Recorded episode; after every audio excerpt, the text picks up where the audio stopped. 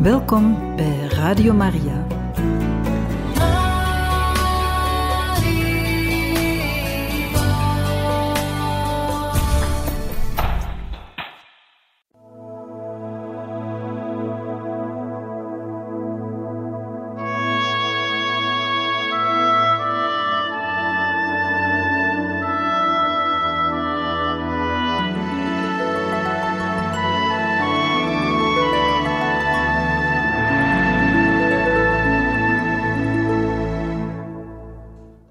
Beste luisteraars van Radio Maria. In dit programma Heilige Getuigen gaan we verder met de lezing uit het boek over Johannes van het Kruis, met de titel Geboren uit Gods adem en geschreven door Crisogono de Jesus. We zijn ondertussen gekomen bij het hoofdstuk 9, Johannes van het Kruis in de gevangenis, van 1577 tot 1578. Bij het onderwerp langs duizend omwegen door donkere steegjes. Het klooster van Toledo is een uitgestrekt gebouw. De muren van de kerk, hoog en streng, staan indrukwekkend op het rotsgesteente van de rechteroever van de Taag. De gevel staat naar het westen gekeerd en ziet uit op het plein van Socodover. Bijna op gelijke afstand van de brug van Alcantara en van de Alcazarbrug staat het klooster tegenover het kasteel van San Servando, waarvan de grote stenen torens de stad op de andere rivieroever bewaken en verdedigen. Dat is het Karmelietenklooster van Toledo in 1576. Het is het beste van de orde in Castilië. Er wonen rond de tachtig religieuzen. Hier komt Johannes van het Kruis ten slotte terecht rond het midden van december. Men heeft hem er s'nachts gebracht, zijn ogen geblinddoekt, zodat hij de weg nog de stad zou kennen. Hij is waarschijnlijk binnengekomen door de Visagra-poort, onder de tweekoppige adelaar van het keizerlijk blazoen van Karel V dat in het graniet is uitgehouwen. Men kan de stad niet anders betreden wanneer men van de kant van Avila komt. Voordat ze bij het klooster komen, hebben zijn bewakers hem door smalle, hoge straten laten lopen en met duizend omwegen door donkere, doodlopende steegjes gevoerd, zoals die er vele zijn in Toledo.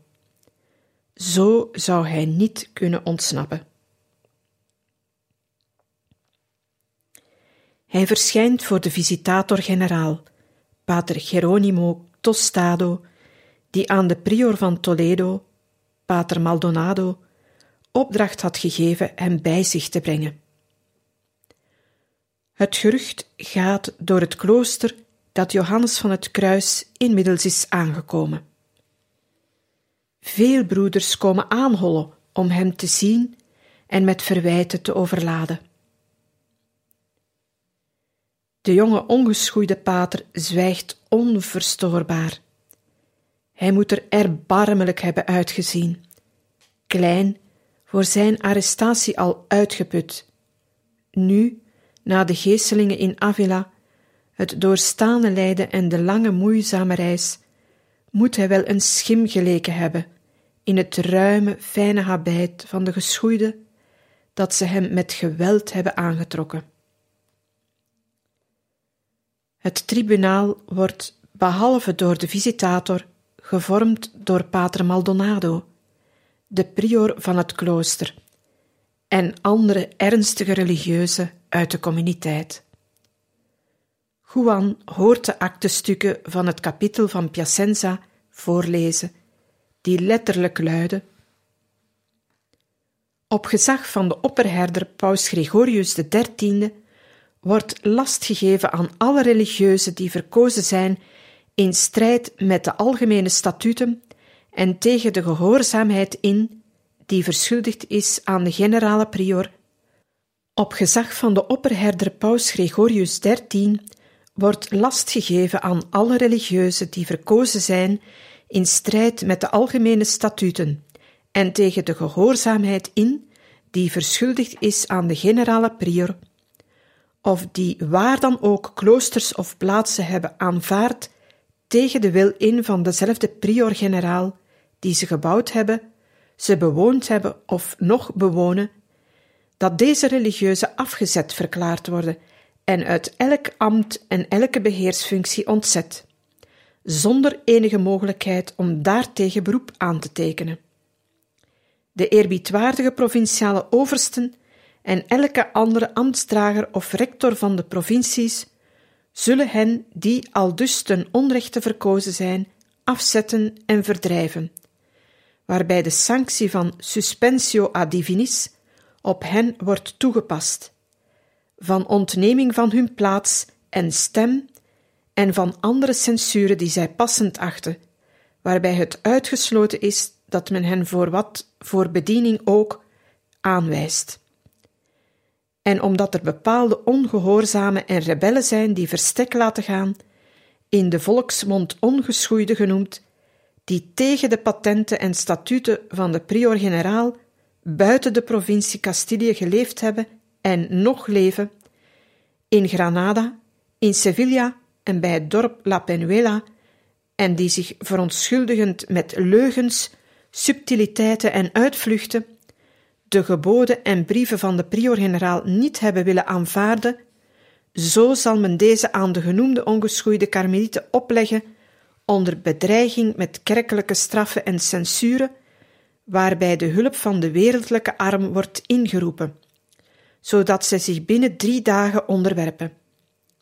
En als zij weigeren, dat men hen zwaar kastijdt en dat zij weten dat zij gedagvaard worden om persoonlijk voor ons te verschijnen en in geval van verzet dat men dit laat vaststellen door getuigen. Met dit doel zal de hulp ingeroepen worden van de eerwaarde aartsbisschoppen, van de nuncie, van onze zeer heilige Heer de Paus en van zijn legaten a latere, zoals dezelfde Paus beveelt in de te Rome gegeven brieven bij de Sint-Pieter onder de Vissersring op 15 april 1575 het derde jaar van zijn pontificaat. Het gaat dus niet om een willekeurige daad van de vicaris-generaal. Het is een formele en plechtige beslissing van het kapittel. De vicaris voert slechts een bevel uit waar als sancties zeer zware straffen op staan. De ongeschoeiden moeten goedschiks terugkeren als ze zich niet de benaming rebellen op de hals willen halen die door de generaal en de capitulanten van Piacenza gelanceerd is. Voet bij stuk houden. Maar Johannes van het Kruis weet waaraan hij zich te houden heeft en blijft onverzettelijk. In de eerste plaats valt hij niet onder de straffen die uitgevaardigd zijn tegen de ongeschoeide van Granada, Sevilla en La Penuela, kloosters die zonder toestemming van de generaal gesticht zijn. Het zijn alleen die paters daar die het kapittel tot rebellen verklaart als ze deze kloosters niet verlaten en terugkeren tot de oude observantie. Misschien voert men als argument aan dat hij onder dezelfde straf valt omdat hij buiten het klooster in het huisje van de menswording woonde. Maar was hij daar niet uit gehoorzaamheid aan een hoger gezag dan dat van de generaal, van de orde en van het kapittel? Tot biechtvader van de religieuze benoemd door Nuncius Ormaneto en door de apostolisch visitator Pedro Fernandez en onder gehoorzaamheid aan Gracian, die de behoeftijd hebben om onafhankelijk van de overste van de orde over de onder hun rechtsmacht vallende religieuze te beschikken, is het duidelijk dat hij niet getroffen wordt door de besluiten en bevelen van de pater vicaris-generaal, en zelfs niet door die van het kapittel.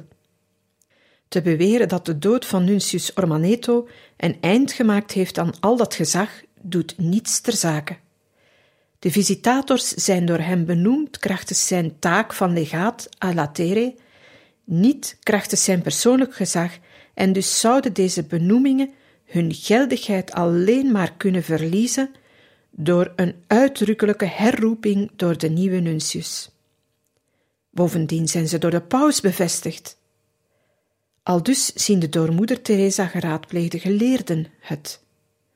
Zo is het voor enig ander ook opgevat door de Koninklijke Raad, die de patenten van Tostado naast zich neergelegd heeft en hem het onderspit heeft doen delven door hem te beletten een op het gezag van het kapittel en van de generaal van de orde gebaseerde visitatie te doen tegen de apostolische visitators in.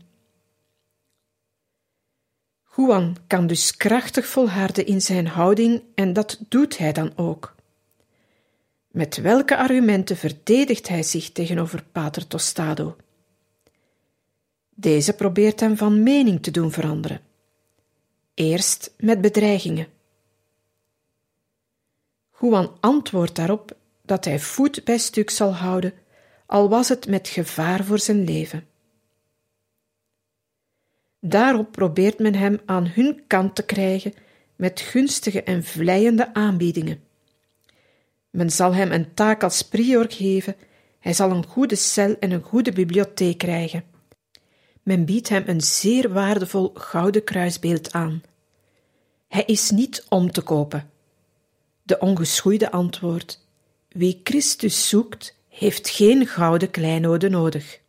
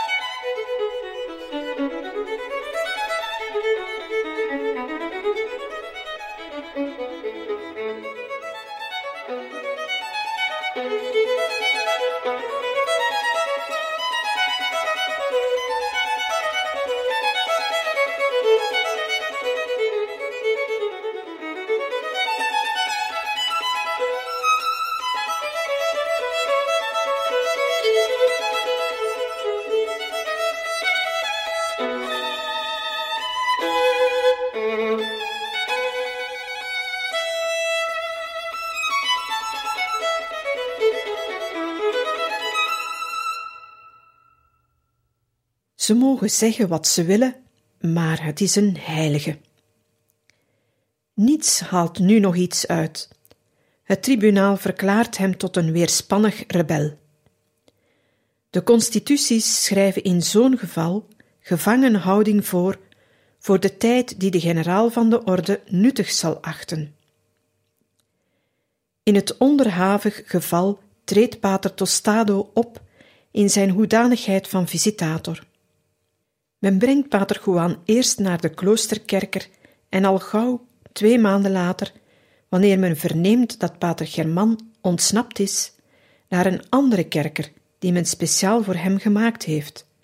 Smal, donker, verstikkend als een graf. Het is een in de muur aangebracht gat van zes voet breed en tien voet lang. Oorspronkelijk bedoeld als wc voor de aangrenzende logeerkamer, heeft het bovenaan een drie vingers breed luchtgat dat uitkomt op een gang. Op de grond, waar vroeger de waterpot stond, heeft men een plank en twee oude dekens gelegd. Dat zal het bed van de gevangene zijn. Juan gaat het cachot in op een winterdag, zonder kap of scapulier, als teken van straf voor zijn rebellie. Hij heeft alleen zijn brevier bij zich. Weldra zal hij de gevolgen ondervinden van de verschrikkelijke Toledaanse vorst, die het jaar daarvoor zoveel indruk had gemaakt op moeder Teresa. Hij zal zijn voeten en vingers zien vervellen van de kou. Hier brengt hij negen maanden door, zonder met iemand contact te hebben, uitgeput van de honger, in een walgelijke atmosfeer, uitgeteerd van ellende, zonder licht, behalve wat er binnenkomt door het drie vingers brede luchtgat helemaal bovenaan de kerker. Soms zeggen de kloosterlingen vlak bij de deur heel onaangename dingen, opdat de arme gevangene ze zou horen. Ze leveren hun schamper commentaar op de koppigheid van de ongeschoeide, zeggen leugenachtig dat Tostado al hun kloosters heeft opgeheven, zeggen dat de aanstaande verdwijning van de hervorming een feit is door het doortastend optreden van nieuwe nuntius Felipe Sega, die niets van de ongeschoeide moet hebben. Hij hoort zelfs de dreigende en kwetsende zin: Wat valt er nog te verwachten van die vent? Laten we hem in een put gooien, geen mens die er iets van zal merken. Andere keren geven ze te verstaan dat hij zijn kerker pas uit zal komen voor zijn begrafenis. Het voedsel is erbarmelijk: water, brood en sardientjes, soms maar een half. Een keer vergast de cipier hem op een deel van wat er overbleef van de communiteit. Driemaal per week, op maandag, woensdag en vrijdag, de dagen die door de constituties zijn voorgeschreven, vast hij op water en brood en wordt hij gegezeld.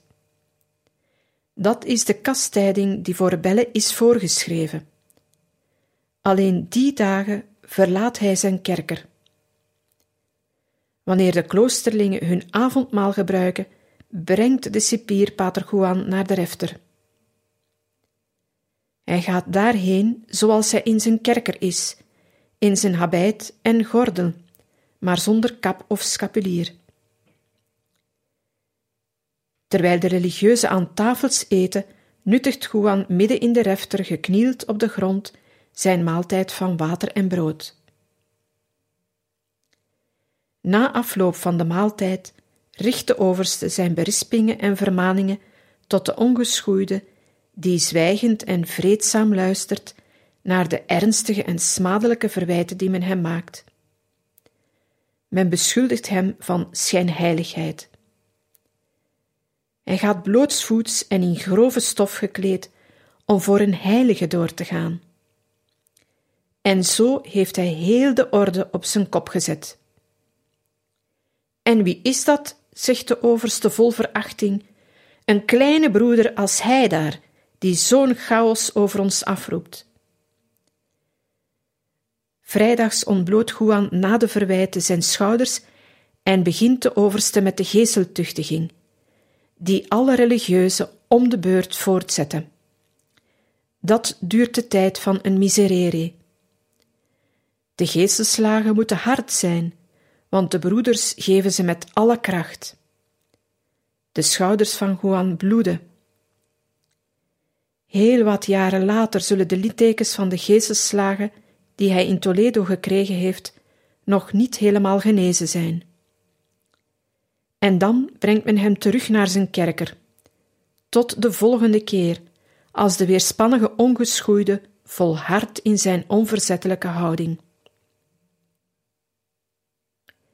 Er zijn in het klooster jonge religieuzen, novicen en studenten, die bewogen raken door het zachte geduld waarmee Pater Juan de beledigingen en de slagen verduurt.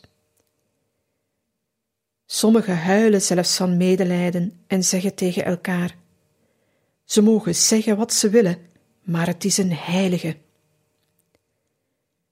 Zou er in de communiteit geen vroegere medestudent van de Universiteit van Salamanca geweest zijn?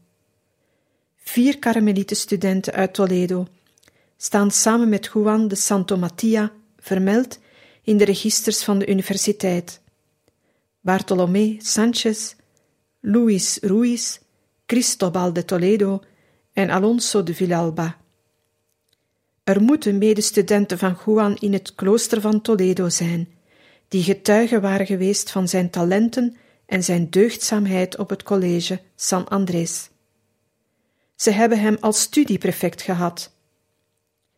Afgezien van het heldhaftig geduld dat zij in hem bewonderen, en ondanks de beschuldigingen van de overste, verklaart dit dat er een en de ander geweest is die medelijden met hem had in zo'n pijnlijke en droevige situatie.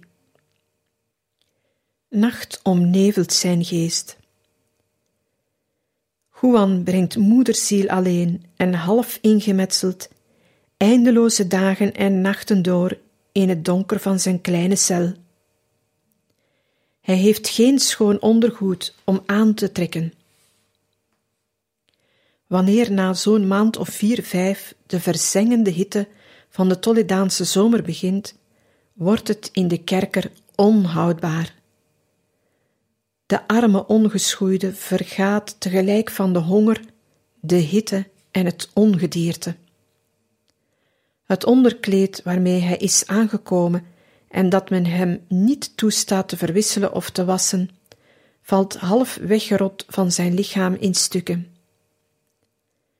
Als toppunt van zijn beklemming komt daar nog een vreselijke zorg bij.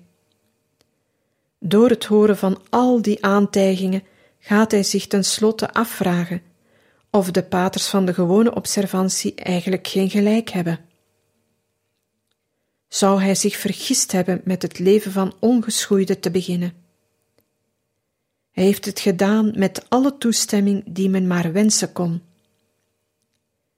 Had de generaal Pater Rossi niet enthousiast machtiging gegeven voor de eerste kloosters van de hervorming, met het te Barcelona gegeven patent van 16 augustus 1567?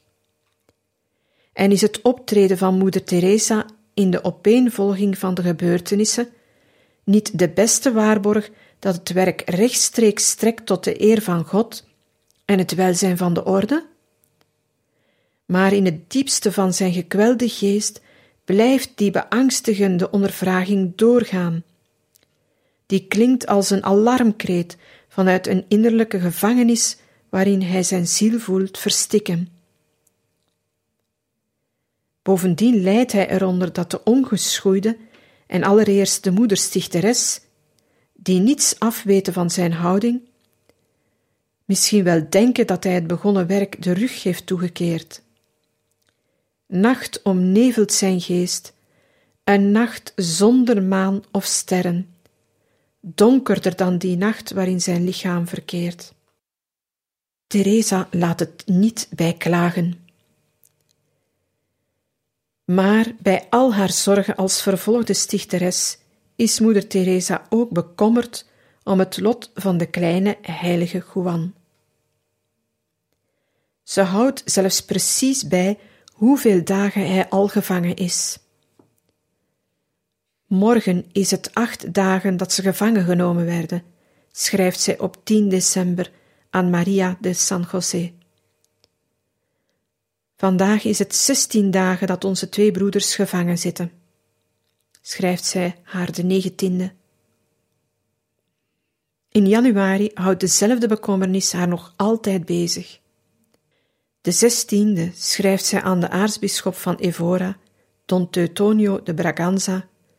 Op bevel van Pater Tostado is het nu reeds meer dan een maand dat ze die twee ongeschoeide gevangen hebben genomen. Om haar het spoor bijster te maken, heeft men haar zelfs gezegd dat Juan in Rome is.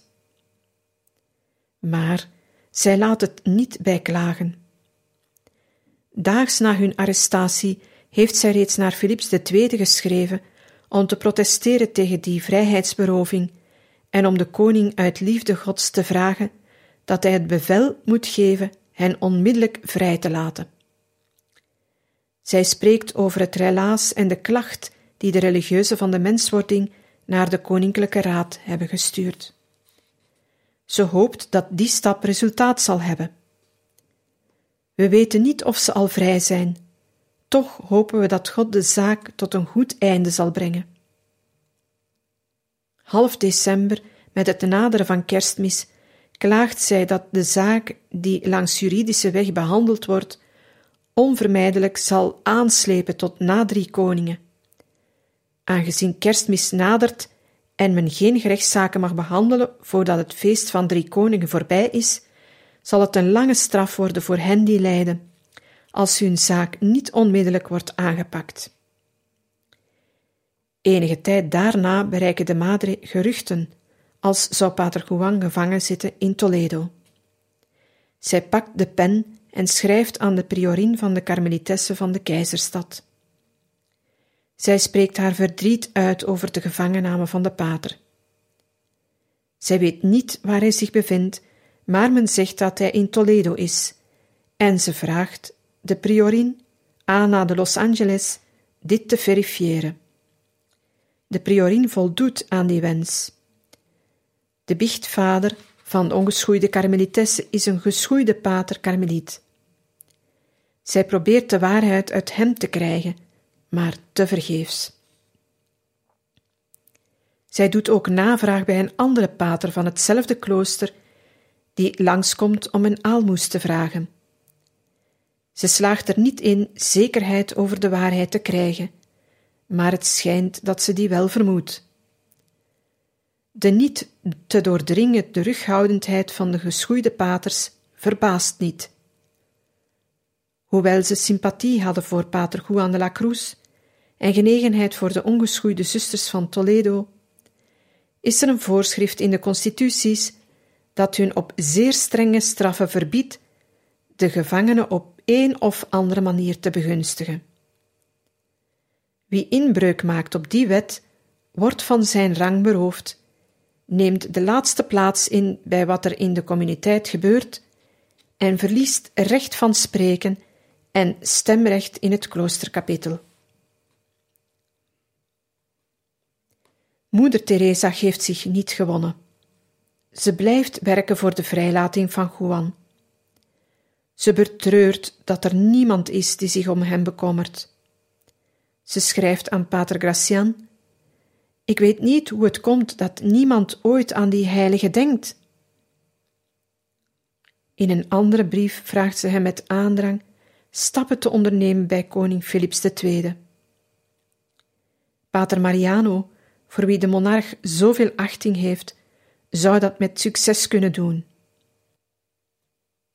Pater Mariano, die toch met de koning spreekt, zou het hem kunnen uitleggen en hem smeken om hulp en hem eraan herinneren hoe lang onze goede heilige broeder Juan al gevangen zit. Ten slotte, de koning luistert naar iedereen.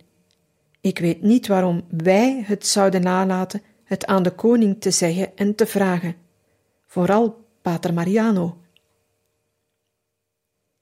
En tenslotte, terwijl de gevangene al bezig is zijn ontsnapping voor te bereiden, en als die op die datum 19 augustus nog niet heeft plaatsgevonden, geeft de Madre Gracian de middelen aan die men kan gebruiken om de eerste ongeschoeide pater te redden.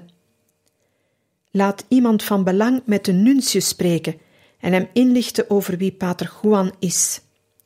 Laat pater Mariano het vragen aan de prinses van Eboli, die het zeker zou doen. Het is de enige stem die zich verheft ten gunste van de gevangenen. De anderen doen niets, schijnt het. Gracian probeert ondanks de aandrang van moeder Teresa niets.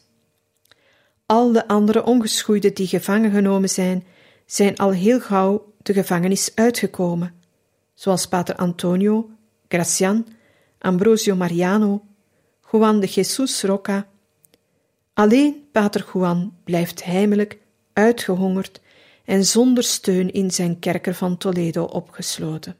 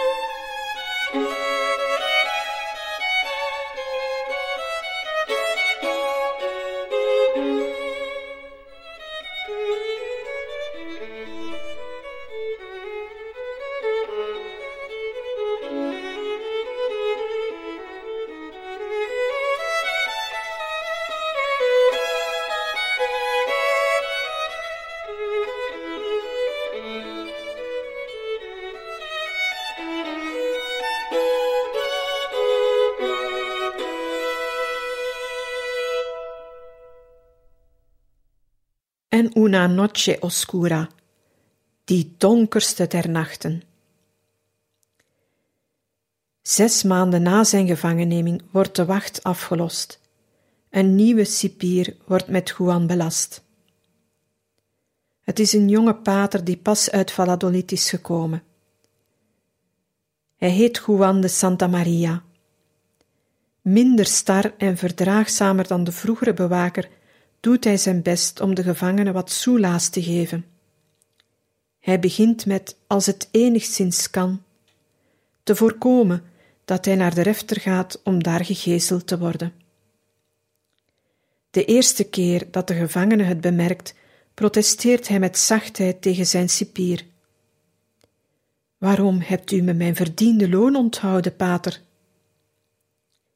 Dat woord overtuigt Juan helemaal van de heiligheid van zijn gevangene, en een paar dagen daarna verschijnt hij in de kerken met een schoon onderkleed, om het hemd van de gevangene dat inmiddels in flarde is, te vervangen. Dat geeft pater Juan de la Cruz enig vertrouwen. Hij vraagt hem inkt en papier om bepaalde devotiedingen op te schrijven als verstrooiing.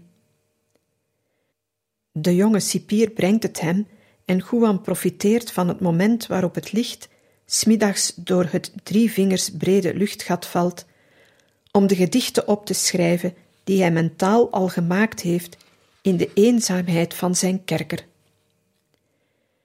De verzen die hij er schrijft zijn het grootste deel van het geestelijk hooglied, de romances met inbegrip van aan de oevers van de stromen, het kleine gedicht, al is zij nachtelijk, en waarschijnlijk alle strofen van de donkere nacht. De lyrische verzen, dat wil zeggen allemaal behalve de romances, weerspiegelen de gesteldheid van de gevangene. Beelden van pijn, van klachten, voortdurende symboliek van nacht en duisternis. Waar houdt gij u verscholen, geliefde, die mij achterliet in stenen? Mocht herders, welgezinde, geïnt langs de kooien naar de hoogte zwerven, bij toeval hem daar vinden, wiens liefde ik niet kan derven. Zegt hem hoe ik wegslink, pijn lijd en moet sterven.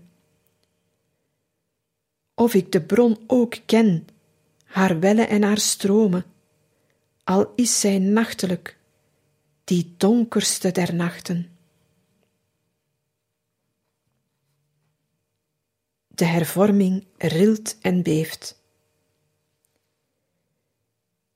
Wanneer het augustus wordt en de hitte niet meer te harde is in Toledo, voelt Juan zich bezwijmen. Er is niets dat hem in het vooruitzicht stelt dat men eraan denkt hem uit zijn vreselijke kerker te halen. Volgens de constituties van de orde blijft de gevangene ter beschikking van de generaal, de enige die de straf kan opheffen. In het geval van Pater Juan, die gekerkerd is door de visitator Geronimo Tostado, die namens de generaal handelt, staat hij ter beschikking van de visitator. En het ziet er niet naar uit dat hij de ongeschoeide denkt vrij te laten. Nu minder dan ooit. Na het verbod hem door de Koninklijke Raad opgelegd om op visitatie te gaan bij de ongeschoeide, heeft hij nu de handen vrij, dankzij de recente beslissingen van de nieuwe nuntius Felipe Sega. Deze heeft op 23 juli 1578 een breve doen uitgaan waarin hij, met herroeping van de beslissingen van de vorige nuntius, Gracian het gezag van visitator ontneemt en bovendien het bestuur van de ongeschoeide aan de geschoeide toevertrouwt. De hervorming rilt en beeft bij die beschikking. Moeder Teresa, altijd even energiek, stimuleert haar zonen en moedigt hen aan, en allereerst Pater Gracian.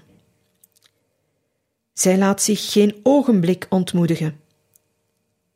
Ik verlies niet het minste vertrouwen in een goed resultaat, schrijft zij op het hoogtepunt van het conflict.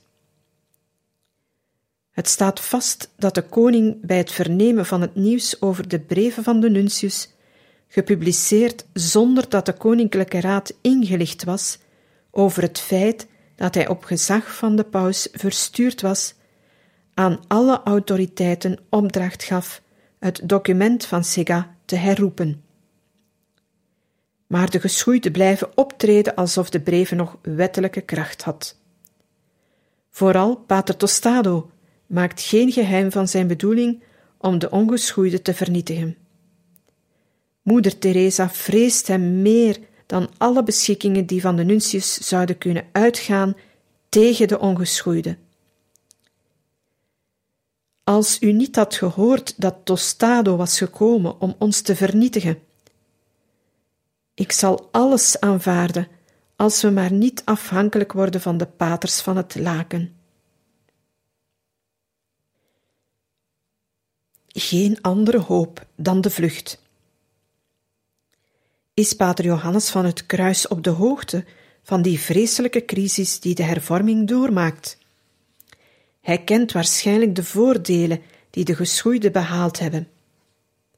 Men geeft er commentaar op voor de deur van zijn kerker, zodat hij het hoort en de moed verliest. In ieder geval kan hij niet hopen op een spoedige vrijlating en hij gaat zelfs vrezen voor zijn leven. Hij ziet zich al sterven van uitputting. Men bekommert er zich niet om, al ziet men hem sommige ogenblikken haast doodgaan. Hij denkt dat men met hem wil afrekenen. Er blijft geen andere redding en geen andere hoop over dan de vlucht. Sterke innerlijke impulsen stuwen hem die richting uit. Dagenlang beveelt hij de zaak bij de Heer aan en hij besluit het middel te zoeken om zijn ontsnapping te verwezenlijken. Hij kent de ligging van zijn gevangenis amper. Men heeft hem er s'nachts ingezet. Hij is er alleen s'avonds uit geweest als hij naar de refter ging om zijn geestelstraf te krijgen. Hij weet dus niet hoe en waarlangs hij zou kunnen vluchten. Om zich te oriënteren stelt hij de cipier voor dat hij zelf de emmer gaat legen die men in zijn cel heeft gezet. Om het niemand te laten merken, zou hij het kunnen doen terwijl de kloosterlingen hun siesta houden. De cipier stemt minzaam toe. Hij laat hem gaan, doet de deur open en terwijl de communiteit haar middagslaapje houdt, gaat Juan naar buiten om zoals afgesproken de emmer te ledigen. Hij maakt daar gebruik van om de zaal en de cellengang te onderzoeken. Hij kijkt door de grote gotische vensters die in het oosten, aan de kant van de taag, uitzien op een binnenhof van het klooster. Met de handen voor de borst gevouwen, bedankt Juan de cipier voor de gunst die hij hem verleend heeft en gaat weer binnen in zijn kerker die men weer op slot doet. Een volgende keer, op hetzelfde tijdstip en bij eenzelfde gelegenheid, gaat hij een stap verder. De deur van zijn kerker wordt gesloten met een hangslot dat met schroeven vastzit. Juan probeert die los te krijgen, verscheidene keren, opdat ze makkelijk eruit kunnen springen als er van binnenuit tegen de deur geduwd wordt. Dat vraagt niet zoveel tijd. De cipier had hem een schaar, naald en draad gegeven, zodat hij de stukken van zijn hemd en zijn habit weer aan elkaar kon naaien. Op een dag dat hij zijn emmer is gaan leegmaken, neemt hij de draad mee die hij over heeft, knoopt een steentje aan het eind ervan vast en meet de afstand tussen het venster en de grond. En hij gaat terug naar zijn kerker. Hij meet met de draad van begin tot eind de twee oude dekens die als bed voor hem dienen. Hij stelt vast dat, zelfs als hij er stroken van maakt, er nog twee manslengte te weinig zijn om tot op de grond te komen. Twee lengtes die men evenwel zonder bezwaar kan missen als men het lichaam meetelt met de uitgestrekte armen. Juan roept de cipier. Hij vraagt hem excuus voor de last die hij hem bezorgd en vraagt hem een kruis aan te nemen dat hij hem als teken van erkentelijkheid wil geven. Het is een kostbaar houten kruis waarin de lijdenswerktuigen gegraveerd zijn, met een bronzen corpus.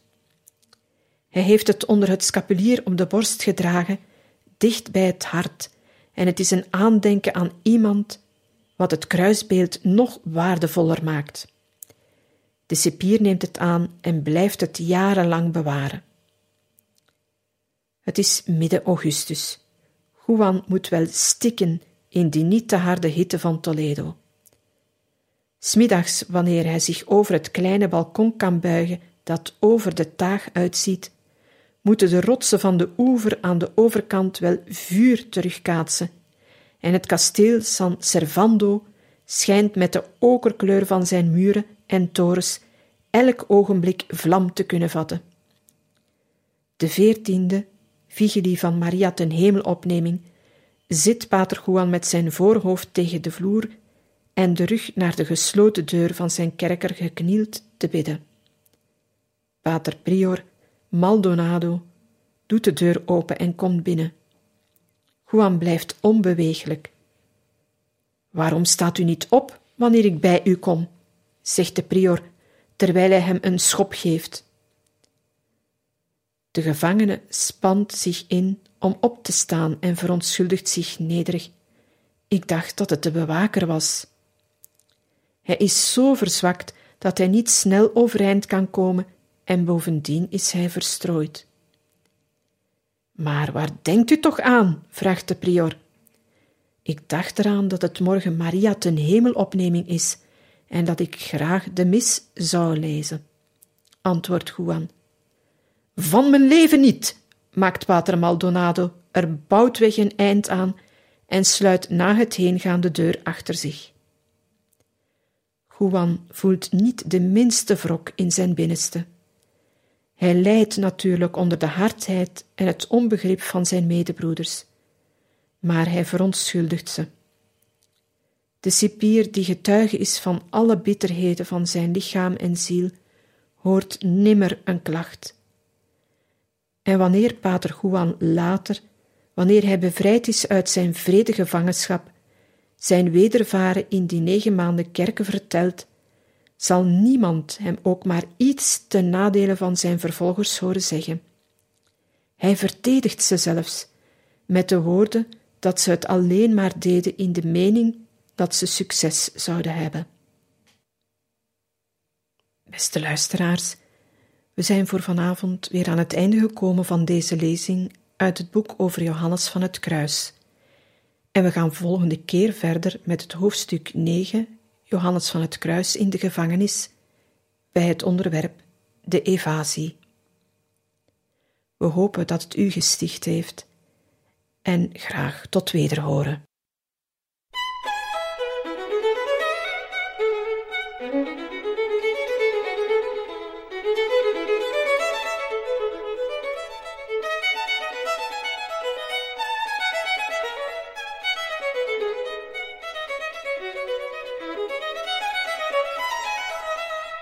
thank you.